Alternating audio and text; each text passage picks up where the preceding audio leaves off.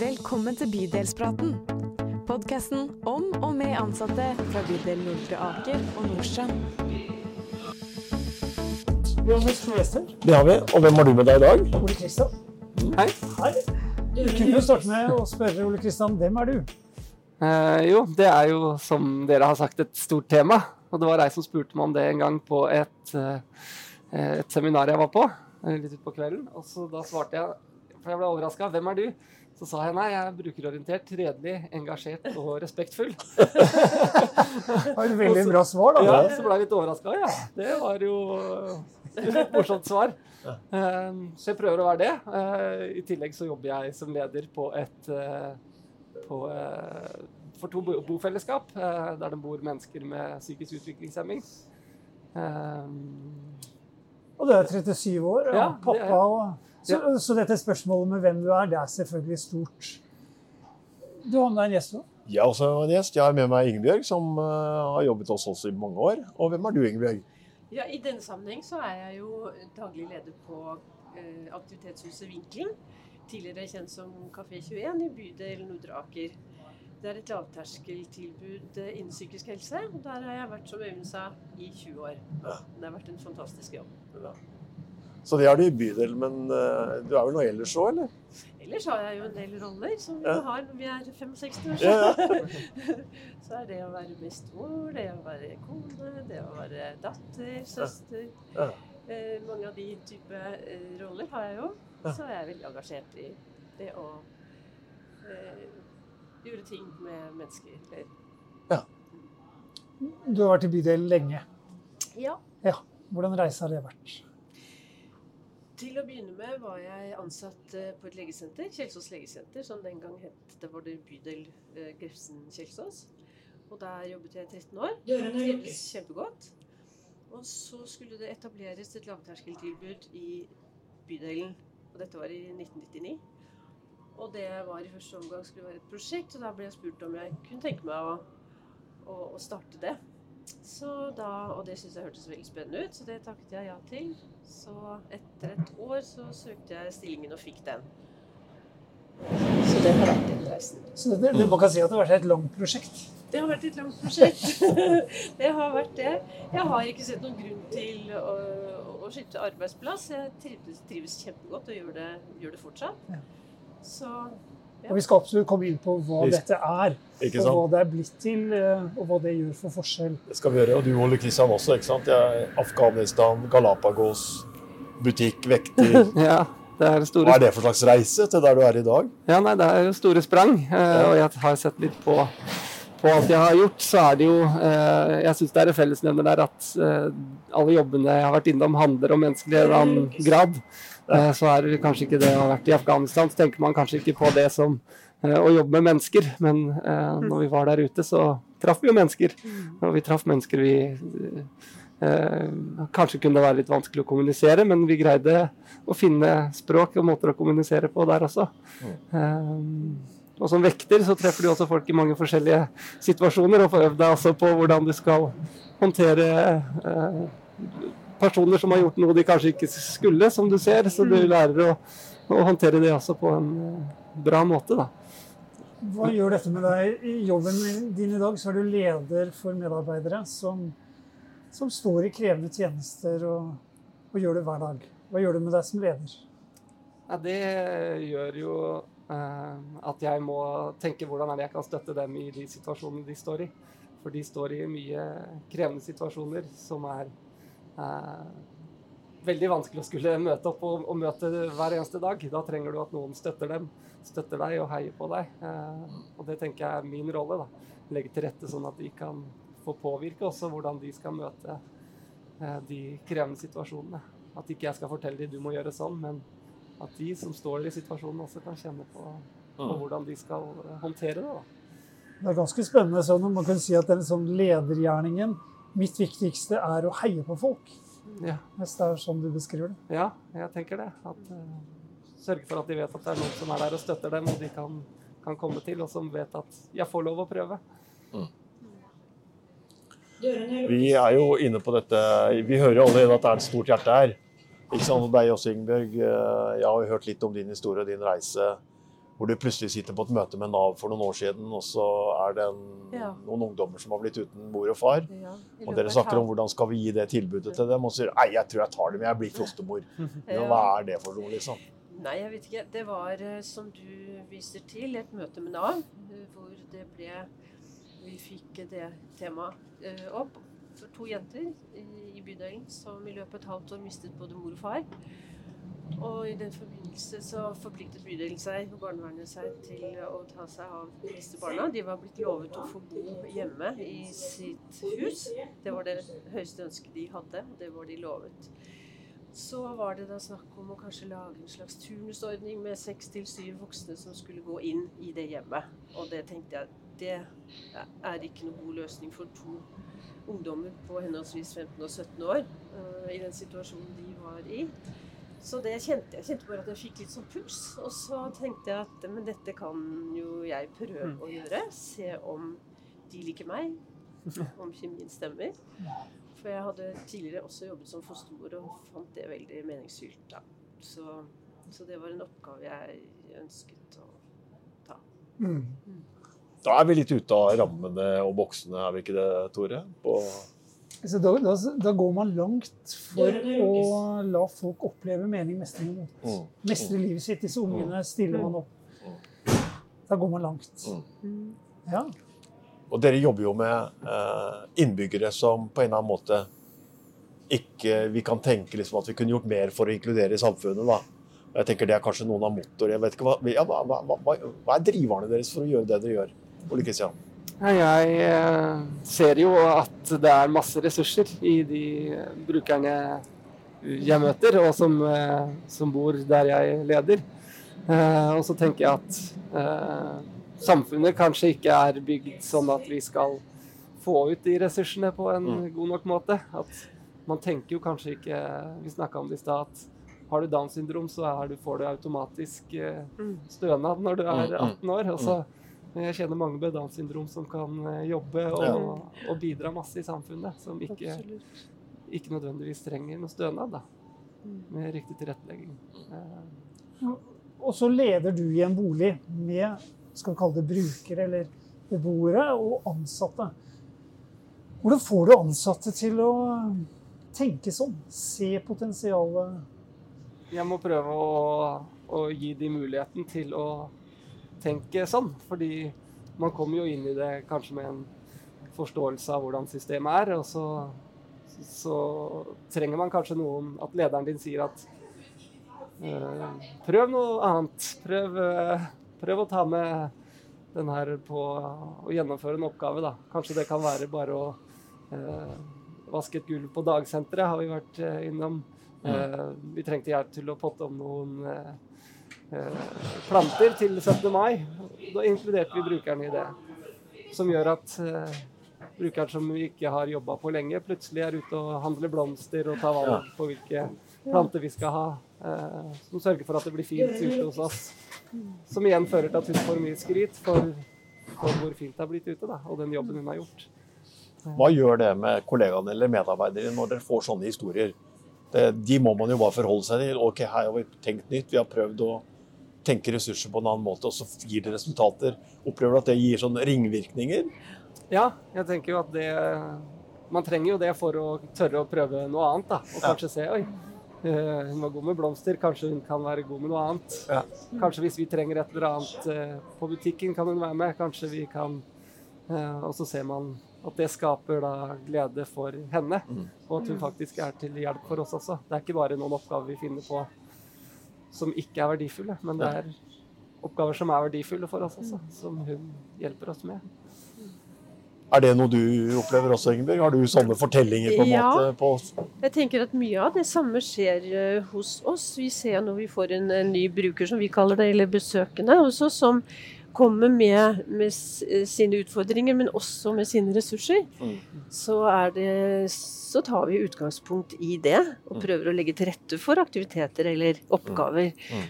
Men vi, samtidig så er det også veldig viktig å se de begrensningene de eventuelt også har, Mm. med tanke på de utfordringene de bærer på.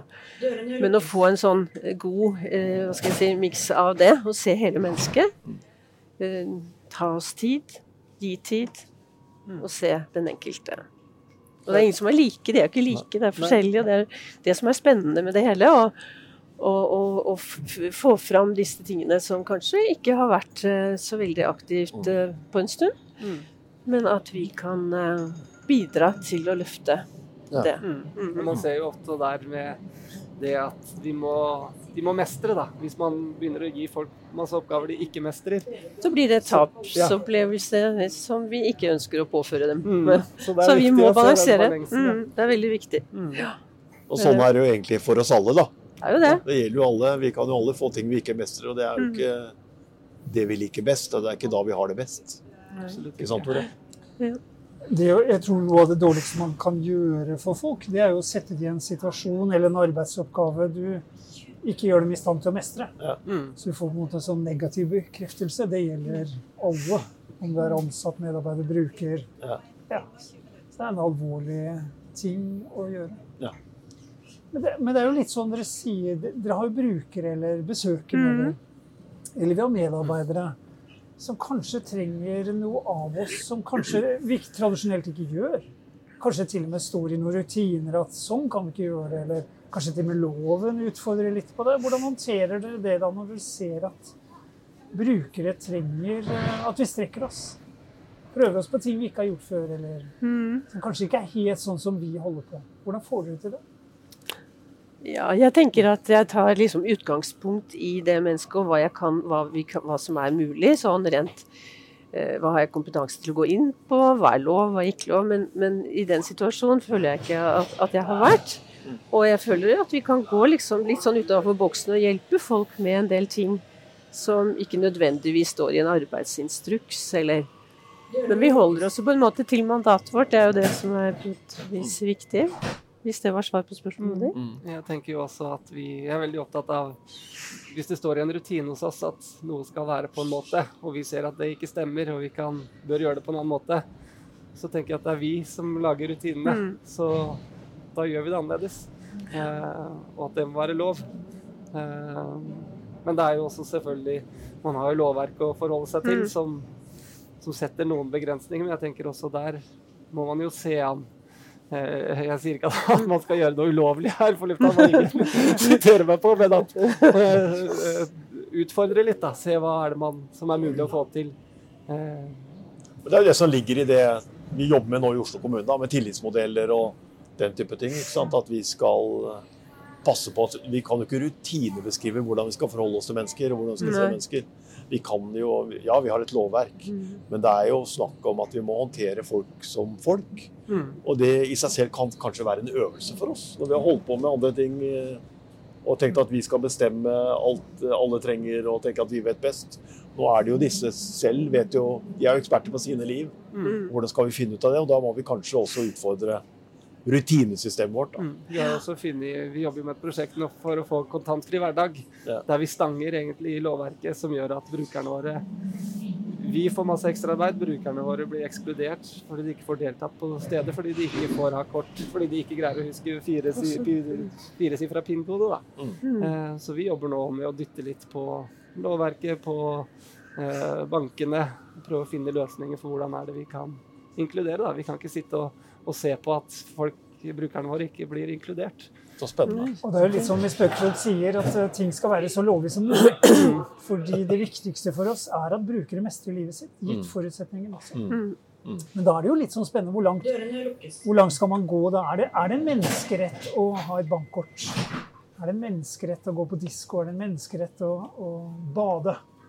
Uh. Ja, jeg tenker jo at hvis du har lyst til det, Ja. så bør du få lov til det. Ja. Uansett om du, hvilken diagnose du har, eller Mm. om du ikke greier å huske en firesifra PIN-kode, så bør du få lov til å kjøpe deg en vaffel hvis du er på, på disko. Ja. Eh, Selv om de som står der, ikke tar imot eh, kontanter. Eh, ja, men hvis jeg, jeg hørte du hadde en sånn eh, opplevelse hvor, hvor du hadde lyst, eller bruker hadde lyst til å ta seg et bad. Ja. Eh, Men det møtte jo litt sånn lovverkskrav om eh, livredningskurs. og- ja jeg Hvordan fant dere ut av dette? jo, jeg skulle bade med en bruker. Jeg skulle- Han skulle dra på badeland, men han fikk ikke lov til å bade fordi verken jeg eller den andre ledsageren hadde gyldig eh, livreddekurs. Ja, vi hadde gått på det, men det hadde eh, gått ut, da. Og det var også badevakter der. Når vi kom dit, så hadde jo selvfølgelig brukeren lyst til å bade. Um, og da tok jeg en vurdering på at ok, her er det et flaskebasseng som eh, er grunt. Så vi går oppi der, og så får jeg heller Hvis alt skulle gå gærent, eh, eh, så så har jeg kompetanse på livredning. Eh, Det er mange andre her som har det. Og hvis alt skulle gått helt gærent, så brukeren fikk eh, skada seg alvorlig, eller gikk enda verre enn det, så, så hadde i hvert fall brukeren fått gjort det han, han ville. Ja, så tenker jeg samtidig at i, i den historien der, så gjorde du jo en risikovurdering. Sånn at dere gikk, jo et plaskebasseng.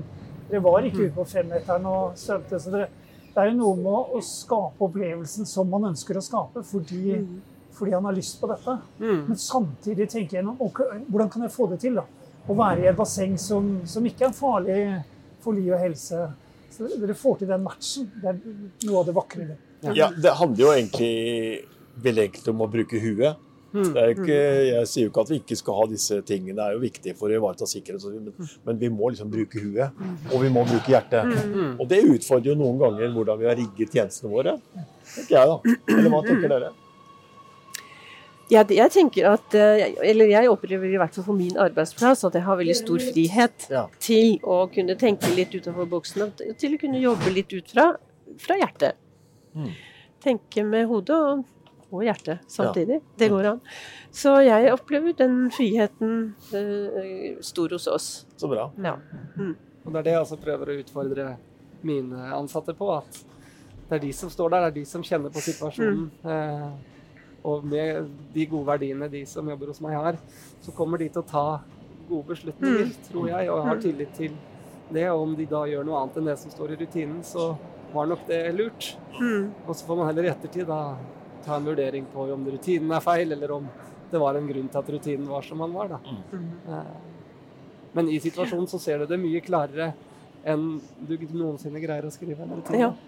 Det er klart. Og da gjelder det jo en viktig del da må være å gjøre ansatte medarbeidere kompetente til å gjøre kloke beslutninger og vurderinger i de situasjonene. Så man både reagerer med hodet og med hjertet. Ja, og da tenker jeg at alle bør være brer. Alle bør være Ja. Har du de, eh, de Verdiene. inne, og tar en rask sjekk på de på når du skal ta en beslutning, så tar du sannsynligvis en, eh, en god avgjørelse for brukeren din.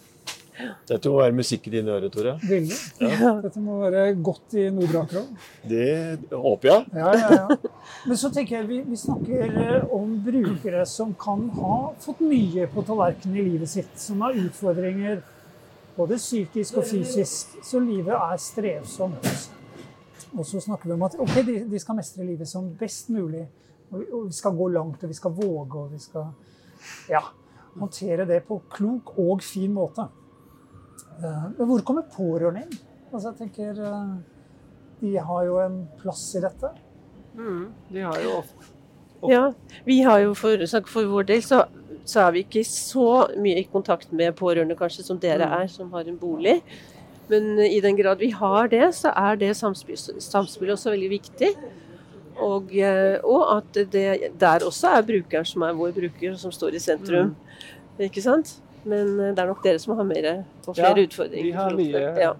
mye med det å gjøre. Og der er det veldig viktig å høre på de også. Og de har masse kompetanse på, på brukerne våre, og de kjenner dem godt og vet ofte hva som er godt for dem. Eh, samtidig som vi også har jo en fagkunnskap, så det handler jo om at vi må greie å vise hvordan, hvilke lover og regler som gjelder for oss, for der er det jo et du har lov til mye mer som mor og far enn du har som fagperson. Mm. Og så må vi forklare hvorfor vi kanskje ikke kan gjøre en del ting som de gjør, fordi, som de kan få til å fungere godt. Og så er det å finne den balansen da, mellom dems kunnskap og dems måte å jobbe på, og vår kunnskap og vår måte å jobbe på. Mm.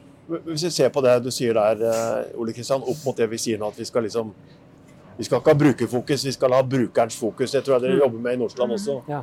Kan det tenkes, hvis vi blir flinke til å ta den enkelte beboer i dine boliger eller brukeren hos dere på alvor, da, Mm. at det også kan utfordre deres pårørende?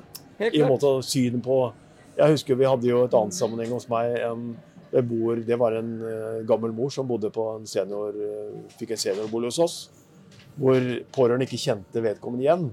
Og hvor svaret vårt til de pårørende var ja, men kanskje du aldri har kjent henne. Altså det er sånn, Mm. Kanskje det også kan bidra til at pårørende får et annet blikk på sine barn? Eller Som absolutt er et spennende perspektiv. Og så tror jeg at hvis jeg hadde vært pårørende og sett hvordan dere så om det er barnet mitt eller søsteren min eller foreldrene mine, og det engasjementet for å, å la de oppleve mestring, så, så er det kjempefint å være pårørende. Og jeg tror jeg vil glede meg stort over det. Mm. Så jeg tenker at det er også et sånt viktig At dere gjør en jobb kanskje litt også på vegne av pårørende. Ja. For dere bidrar så, med så mye og viktig i livet for disse brukerne. Mm. Og da se at dere er den type medarbeidere som går så langt vi trenger å gå for at de skal mestre livet sitt. Vi er på vei ut av eh, tunnelen og kommer ut i solen. Kommer ut av sentrum. Nærmer oss Nydalen. Det gjør vi. Eh, Hva er det som kjennetegner eh, arbeidsplassen deres som gjør at dere får til dette? Og det er jo litt sånn vi lurer på, selvvanlig. selvfølgelig. Hva er det vi skal gjøre i bydelen for å få mer, Få mer av av dette? Det vi, på mine to tjenestesteder så snakker de jo om seg selv som en familie. At vi er en familie her, og vi passer på hverandre og vi hjelper hverandre. Og vi heier på hverandre. Og jeg tenker at hvis du har det i bånn, så er det mye lettere å jobbe oppå der og få til ting enn hvis man eh, er uenig om småting eller man irriterer seg over noe og ikke sier ifra. I en familie også irriterer man seg, men vi greier å, å snakke sammen og løse det. Tenker dere at vi kan være en døråpner for noen av det dere tenker på i større grad enn det vi er i dag? Er det, hva kan vi gjøre liksom for å ja, som du sier da, få dette til å smitte eller åpne dører, sånn at flere tenker og jobber som dere? Vet ikke, jeg opplever altså med, som sagt, som med den store friheten som jeg opplever at vi har på vårt aktivitetshus, så har vi den muligheten, og dere gir oss den muligheten. Og jeg tenker som det er også dette med å, eh, å skape gode relasjoner, ha gode relasjoner til våre brukere eller beboere for deg, da. Det er jo det som alltid ligger i bunnen av det å føle at du kan gjøre en god jobb og gi hver enkelt eh, mye tid, tiden din og, og, og oppmerksomheten din. Og at man tenker at man jobber jo litt individuelt med de ulike. At man må gjøre, strekke seg i ulike retninger. At det er utfordrende, men også veldig spennende. Og at det er um, relasjonen som, som bygger tryggheten og forutsigbarheten hos oss. Som gjør det godt. Til et godt sted å være. Så tror jeg at det jeg trenger, da, det jeg trenger er for å kunne heie på mine, er jo at dere heier på meg. Mm. Eh, Så det tror jeg er viktig. At jeg, kan, jeg tør ikke å la mine feile hvis dere ikke lar meg feile. Det det er vel ingen tvil om at ikke vi heier på dette, Tore? Er det det? Dette må vi heie på. Dette må vi heie Vi må heie på det mer, Ja. og vi må bli flinkere til å heie på andre. En, en sånn deilig utfordring. Og så hører jeg også en annen utfordring som vi egentlig ikke har vært inne på i tidligere podkaster, nemlig at det kan være noen systematiske ting som står i veien her, som ikke vi rår over. Eh, Og Der tenker jeg vi har en rolle, og det å utfordre enten det er våre kommunale rutiner og systemer, og kanskje også vi må banke litt på døra til staten og si at her er det faktisk noe som står i veien for at innbyggere opplever maksimal mestring i hverdagen. Ja, som det eksempelet du ga, Ole Kristian, nemlig at vi får ikke til en kontantfri hverdag fordi lovverket gjør at brukere ikke kan bruke kort fordi de behersker ikke PIN-koden. Så systemet hindrer god tjeneste og god opplevelse for brukere og god mestring. Ja. Ja, men da må vi snu oss rundt og be hva kaller det, makter og myndigheter Det må gjøre. skjerpe lovverket sitt og gjøre de justeringene, er sånn at disse her kan få lov å levere er tjenestene som de ønsker. Det er veldig viktig. Da nærmer vi oss Nydalen. Det gjør vi. Ja, vi- veldig hyggelige medarbeidere vi fikk med oss også denne gangen. Utrolig spennende. Og vi har fått ny kunnskap og nye utfordringer som vi tar med oss videre. Og med det sier vi takk for denne gangen, og håper at T-banen gjør oss klar til en ny podkast om en uke. Men. Tusen takk skal du ha. Ha det godt. takk for meg. Hyggelig å møte deg.